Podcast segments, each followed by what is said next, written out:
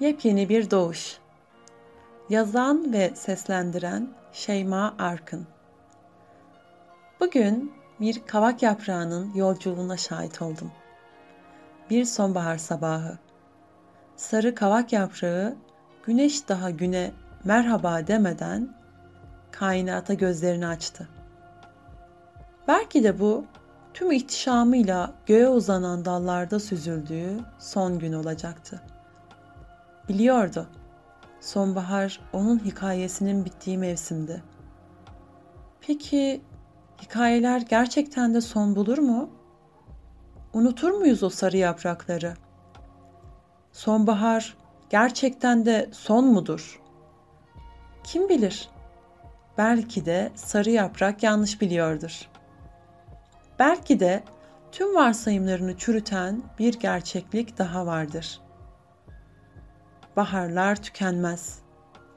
Her son başka bir başlangıcın müjdeleyicisidir. Her son yepyeni bir olgunlaşmanın habercisidir. Ne diyorduk? Sarı kavak yaprağı. Evet, o sabah kainata gözlerini kasvet ile açtı.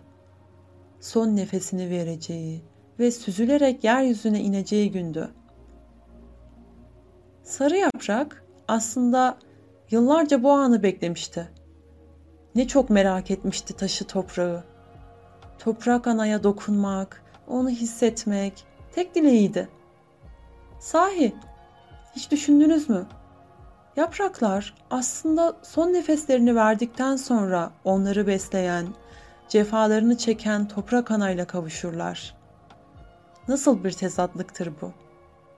Son ve sonun başlangıcı. Yaprak ömrü boyunca kurduğu hayallerine ulaşmıştır. Toprak anayla bir olmuştur ve kavuşmuşlar, hasret giderilmiştir. Ne demiştik biz? Hikayeler son bulur mu? Bulmaz. Her hikayenin bizim bilmediğimiz yepyeni başlangıçları vardır. Artık sarı yaprak içinde barındırdığı tüm minerallerle toprakta bir başka yaprağın içinde yaşayacaktır. Buna sonsuzluk diyebiliriz.